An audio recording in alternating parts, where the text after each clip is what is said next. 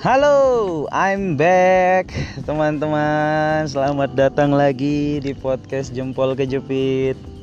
Udah lama banget ya, udah sekitar 6 bulan kali saya biarin podcast ini menjanda. Dan sekarang akhirnya saya balik lagi karena barusan dengerin apa ya? Barusan barusan dengerin cerita teman yang dia baru bikin podcast dua kali dan dia udah bisa apa menguangkan podcastnya ya jelas sebagai manusia yang terjebak dalam dunia material. Ya ya jelas saya tergiur ya. Uh, udah lama banget ya kita nggak bersua-sua di podcast ini. Dan keren aja gitu menurut saya. Pada akhirnya saya bisa balik lagi ke podcast jempol kejepit dan ngobrol-ngobrol atau setidaknya be, apa ya menyampaikan pendapat saya tentang sesuatu dan sekarang seperti biasa, seperti di awal-awal, saya nggak mungkin mengundang orang ketika di awal-awal ya. Pasti saya pengen sendiri-sendiri dulu lah. Saya pengen muasin diri saya untuk untuk untuk ngebacot, untuk berucap-ucap apa yang saya pengenin, untuk apa ya, mensyiarkan apa yang saya pikirkan. Uh, banyak hal sih sebenarnya yang yang yang yang pada akhirnya harus menjadi pertanyaan di kepala saya kayak kenapa sih manusia itu harus dituntut konsisten gitu? Kalau dia nggak konsisten pada akhirnya dia seolah-olah tersingkirkan dan dia e, kalau bahasanya kalau bahasa filsafatnya itu dia punya bad moral bad faith gitu. Padahal ya e, ketika kita konsisten itu sebenarnya kalau menurut saya ini menurut saya pribadi ketika kita konsisten ya langkah-langkah kita itu ketebak gitu loh. Kayak misalnya nih saya punya satu pekerjaan. Misalnya pekerjaan saya ambillah tukang ojek ya. Kalau saya konsisten untuk ngojek dari pagi sampai sore orang-orang pada akhirnya ketebak gitu. Saya ya si Ayun ke mana? Ya ya ngojek gitu. Kalau pagi sore ya ngojek gitu loh. Jadi kayak ketebak aja langkah kita gitu kalau kita konsisten itu sebabnya mungkin saya nggak konsisten ya. Tapi pada pada pada dasarnya sebelum saya sebelum saya punya atau sebelum saya menyuarakan ini di podcast jempol kejepit ini uh, saya tuh berpikir kalau ketidakkonsistenan itu adalah satu hal yang buruk gitu. Kayak itu bentuk dari kegagalan kita sebagai manusia gitu padahal ya eh, ketidakkonsistenan itu justru yang bagus sekarang menurut saya gitu. Karena kalau kita nggak konsisten bayangin kita bisa melakukan hal-hal yang yang yang tidak terprediksi gitu. Iya kan? Siapa yang bisa membayangkan misalnya eh, Barack Obama jadi presiden kulit hitam pertama di di di Amerika? Nggak ada yang bisa ngebayangin itu men. Nggak ada. Sama sama sekali nggak ada yang bisa ngebayangin itu Coba bayangkan kalau Amerika itu bersifat konsisten. Wah itu saya yakin demokrasinya nggak jalan men. Karena kalau Barack Obama itu nyalon jadi presiden aja atas nama konsistensi mereka tuh nggak boleh untuk menerima itu gitu kalau kita konsistensi dalam hal ras ya misalnya jadi menurut saya konsisten is good man gitu tidak konsisten itu adalah satu hal yang baik gitu loh. Jadi ayo mari kita sama-sama untuk jadi tidak konsisten. Nah, tapi tapi teman-teman selama enam bulan saya vakum di podcast ini akhirnya saya bisa nyelesain buku cie di podcast pertama kan kalau mungkin teman-teman inget ya saya tuh kan e, iri ya sama teman-teman saya yang udah mulai uh, nulis buku gitu udah mulai uh, nerbitin buku saya iri gitu. Dan ya pada akhirnya keirian itu membawa saya bisa untuk menyelesaikan buku pertama saya yang akan terbit di September. Jangan lupa beli ya. Buku itu judulnya harga sebuah perlawanan gitu. Jadi itu cerita tentang aktivis ya cerita tentang aktivis yang berlawan apa ya uh, yang punya jelas ya cerita tentang aktivis yang punya idealisme selangit tapi realitanya dia harus ber berjibaku atau ber, ber, bertarung dengan ini dengan kampus yang otoriter gitu. Jadi idealismenya itu pada akhirnya dikekang sama pihak kampus dan apa yang akan dia lakukan ya itu ada di buku itu gitu ya. Uh, kalau kita misalnya berbicara masalah gimana sih perasaannya nulis buku? Seneng. Seneng. Awalnya. Awalnya seneng men. Di awal saya tuh seneng banget gitu nyelesain bisa nyelesain satu buku. Wih, saya bisa menyandang predikat penulis. Gila penulis. Nama saya pada akhirnya ada di satu buku. Wih, gila. Tapi tapi ternyata setelah dua hari dua hari loh ini. Dua hari saya akhirnya apa di, naskah saya diterima penerbit. Saya tuh ngerasa saya punya tanggung jawab lebih lagi untuk nulis buku-buku yang lain. Gila nggak sih? Jadi dari satu jadi menurut saya nih kita balik lagi ya ke konsisten itu adalah toxic gitu. Berarti jadi kalau kita sudah berusaha konsisten di satu pekerjaan pada akhirnya kita akan terus dituntut untuk konsisten. Jadi misalnya nih saya kan udah udah udah apa ya udah menyandang predikat penulis gitu. Ketika saya sudah menyandang predikat penulis saya nggak mau stop untuk menyandang predikat itu gitu. Jadi sebenarnya konsisten ini jenis toksik yang yang nggak ngebiarin kita untuk memiliki hal-hal lain yang di luarnya dia gitu loh jadi sebenarnya buruk ini sebenarnya si si konsistensi ini gitu loh. Tapi enough talk about konsistensi jadi uh, kita balik lagi ke buku. Apa tadi uh, gimana rasanya uh, nulis buku? Ya asik seru ya. Terus uh, apa lagi ya? Apa harapannya tentang buku itu? Kalau harapan saya ya jelas buku itu laku ya.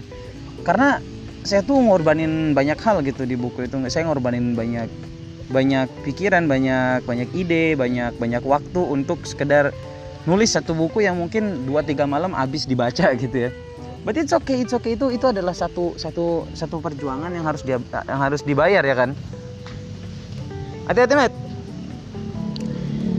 uh, terus tapi uh, enaknya apa ya namanya ya enaknya dari buku saya yang pertama ini itu berlandaskan satu hal yang memang saya pengen tulis gitu. Kan banyak tuh ya kayak misalnya mungkin mungkin ya. Mungkin teman-teman saya e, banyak yang nulis di itu berdasarkan sesuatu yang dia nggak pengen tulis sebenarnya tapi karena pasar pengen itu tapi karena dia pengen bukunya laku pada akhirnya dia nulis itu gitu saya nggak nyalahin itu tapi menurut saya e, suara-suara yang harusnya bisa kita suarakan lewat buku pada akhirnya uh, kita nggak dapet gitu. Kalau kalau kita ngikutin arus zaman ya gitu loh. Dan apa ya tadi ya saya berbicara masalah buku ya. Bicara masalah buku ya buku saya itu ya saya banget gitu. Talking about idealism berbicara masalah keadilan intinya saya banget lah gitu. Dan bisa di di di apain ya? Bisa di bisa dibayangkan lah sayanya itu kayak gimana lewat lewat si karakter tokoh novel itu gitu ya. Terus apa lagi ya? Ini saya sebenarnya rada-rada bingung ya untuk ngobrol lagi di di podcast jempol kejepit ini karena udah lama banget gila. Udah enam bulan enam bulan itu tiga enam bulan tambah tiga bulan 9 bulan. Iya harusnya saya saya saya stop saya vakum di 9 bulan aja kali. Tapi enggak sih ya. E, eh, 6 bulan itu waktu yang lama gitu loh untuk untuk untuk nggak melakukan sesuatu gitu. Kayak misalnya waktu saya e, berhenti untuk memutuskan untuk berhenti kuliah di Universitas Udayana tuh itu butuh waktu enam bulan sebelum saya menyesal gitu. Jadi jadi jadi setelah enam bulan saya selesai itu penyesalan itu datang bertubi-tubi gitu kayak. Aduh kenapa nggak diselesain sih? Padahal udah semester banyak gitu ya. Tapi ya ya mau mau gimana lagi gitu. Itu juga susahnya jadi idealis ya saya ngerasa sih karena saya tuh kayak idealis idealis tai gitulah ya yang kayak pada akhirnya kita harus menyerah pada keadaan bahwa kita tuh nggak nggak bisa gitu hidup tanpa gelar tuh nggak bisa gitu pada akhirnya uh, idealisme saya harus menyerah sama kenyataan gitu. Ya aku nyesel nyesel nyesel banget untuk untuk cabut dari Udayana gitu. Padahal udah tinggal sebentar lagi cuma ya mau diapain lagi waktu adalah satu hal yang nggak bisa diprediksi dia nggak konsisten. Jadi ya udahlah gitu. Ya ntar deh saya cerita-cerita lagi tentang tentang tentang kehidupan perkuliahan saya. Tapi yang jelas ada satu hal yang saya suka banget dari perjalanan hidup saya adalah saya pada akhirnya bisa bisa belajar untuk e, bergaul sama orang. Lewat perjalanan saya kemarin sebulan di Pulau Jawa jadi kemarin saya e, touring ya di dari bulan Juni sampai Juli itu saya ya dari bulan Juni tanggal 20 sampai saya pulang tuh tanggal 17 apa berapa gitu. Dari tanggal segitu saya touring pakai motor Vario. Gila gak sih? Keliling bukan keliling jauh. Ngabisin Pantura. Saya pengen lihat itu sebenarnya Pantura tuh kayak gimana gitu.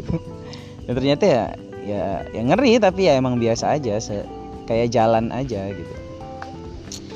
Uh, banyak hal yang saya dapetin dari perjalanan itu dan itu menurut saya satu step besar di hidup saya gitu kayak men saya nggak percaya gitu bisa lewat pantura pakai motor tuh saya nggak percaya gitu. Dari dulu dari, dari dulu dari kan dari apa ya, zaman saya masih kecil waktu dulu sering mudik sama ibu saya ke Jakarta. Itu kan nggak pernah kebayang gitu karena dari kecil itu saya selalu ngebayangin ini orang pikirannya apa sih kalau mudik pakai motor dari Jakarta ke Pamalang ke Batang ke Surabaya? Itu pikirannya apa? Eh tapi ternyata teman-teman. Ternyata seru loh. Seru loh ternyata kita naik motor di Jawa itu.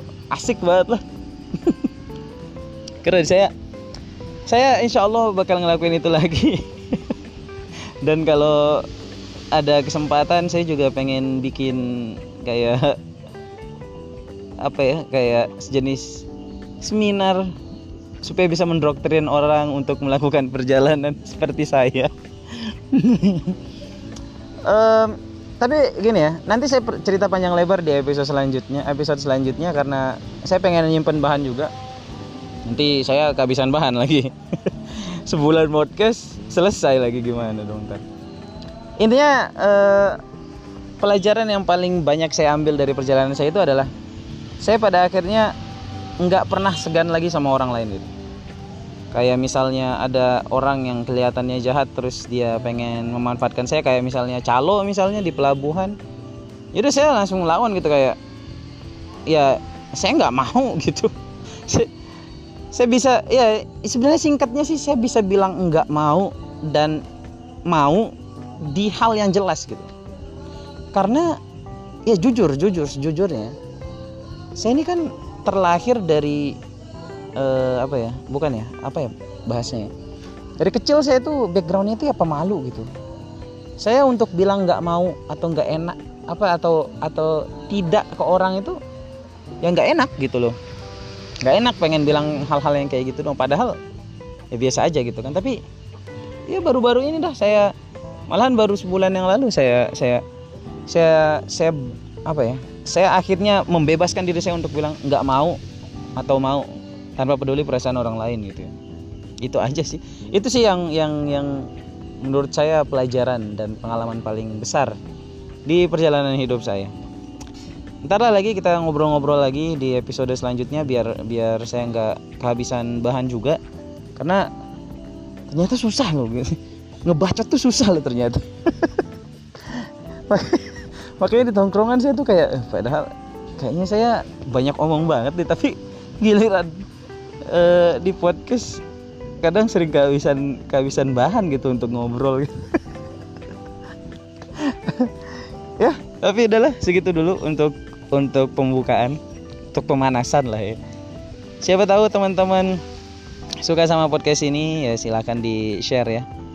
Karena ya seperti kata saya tadi di awal saya di sini datang karena saya terinspirasi bahwa teman saya sudah bisa menguangkan podcastnya. Saya juga pengen dong. Jadi jadi silakanlah teman-teman saya minta bantuannya. Saya bukan minta bantuannya sih lebih tepatnya minta tolong deh biar kalau mau share ya share gitu. Tapi kalau enggak juga nggak apa-apa ya saya nggak maksa. Tapi pesan saya satu jadilah orang yang tidak konsisten. Oke. Selamat malam selamat menunggu episode selanjutnya. Besok saya bakal cerita tentang kehidupan perkuliahan saya deh. Oke. Bye bye